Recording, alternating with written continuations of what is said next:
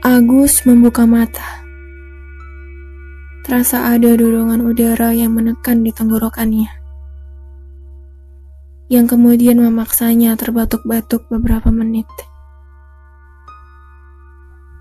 Ia memuntahkan banyak air dengan campuran darah. Dadanya terasa sesak dan matanya berkunang-kunang. Agus kemudian tersadar bahwa ia tengah disekap di sebuah ruangan gelap dan kotor. Kedua tangannya terikat ke belakang, begitupun dua kakinya. Agus kemudian berusaha menenangkan dirinya dan menggerakkan tubuhnya sebisa mungkin untuk bisa bersandar ke sisi dinding. Ia diam sejenak sebelum mulutnya mulai mengumpat dan menyumpahi seseorang dengan kata-kata kotor.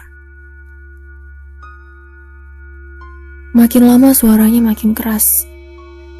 Semakin kuat pula usaha Agus menggeliat hendak melepaskan diri. Tapi tubuhnya terlalu lemah. Nafasnya kembali sesak. Tangan dan kakinya masih kuat terikat. Surya Nama itu yang ia sebut berulang-ulang sembari diiringi sumpah serapah. Tergambar rasa marah yang kuat dan meledak di kedua matanya. Agus juga berulang kali berbisik pada dirinya sendiri bahwa dia akan keluar dari sini lalu membunuh Surya. Satpam tua yang memergokinya ketika tengah asik menindih tubuh Fana gadis belia tunanetra yang sudah berulang kali ia perkosa di belakang pabrik gula. Agus sempat hendak menghajar pria tua itu. Bertarung satu lawan satu. Sebelum ia memilih melarikan diri karena beberapa karyawan pabrik mulai tampak berdatangan. Agus kemudian sekuat tenaga menyelamatkan diri dari kejaran beberapa orang yang terus memburunya. Sampai pada akhirnya ia memutuskan untuk melompat ke sungai. Hal terakhir yang ia ingat, kepalanya terbentur sesuatu dan orang-orang itu terus bersorak mendekat ke arahnya. Agus kembali mencoba melepaskan ikatan di tangan dan kakinya sebelum dia dikagetkan dengan suara-suara berisik dari seluruh sisi ruangan itu.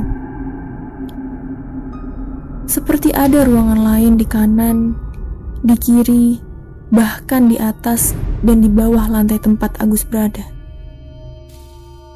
Agus tercekat, pikirannya mulai menerawang. Ia berpikir dirinya disekap di salah satu ruangan pabrik. Di tengah kebingungannya, Agus terkesiap ketika kepalanya tiba-tiba saja dipukul oleh seseorang di dalam kegelapan. Agus refleks menyipitkan kedua matanya ketika muncul cahaya terang yang menyorot tepat ke wajahnya. Agus kemudian baru menyadari bahwa ada dua sosok yang tengah berdiri di sisi kanan dan kirinya. Agus sedang mempersiapkan tenaga, hendak meludahi wajah salah satu di antara mereka. Tapi tubuh Agus mendadak bergetar hebat ketika salah satu dari mereka lebih dulu bertanya dengan suara berat dan menakutkan.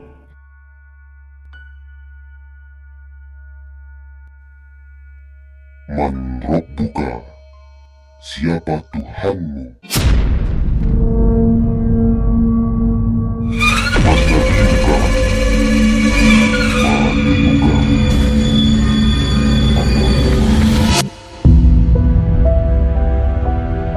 Man Nabiyuka?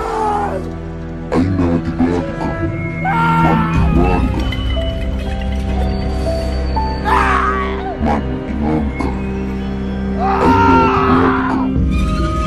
one.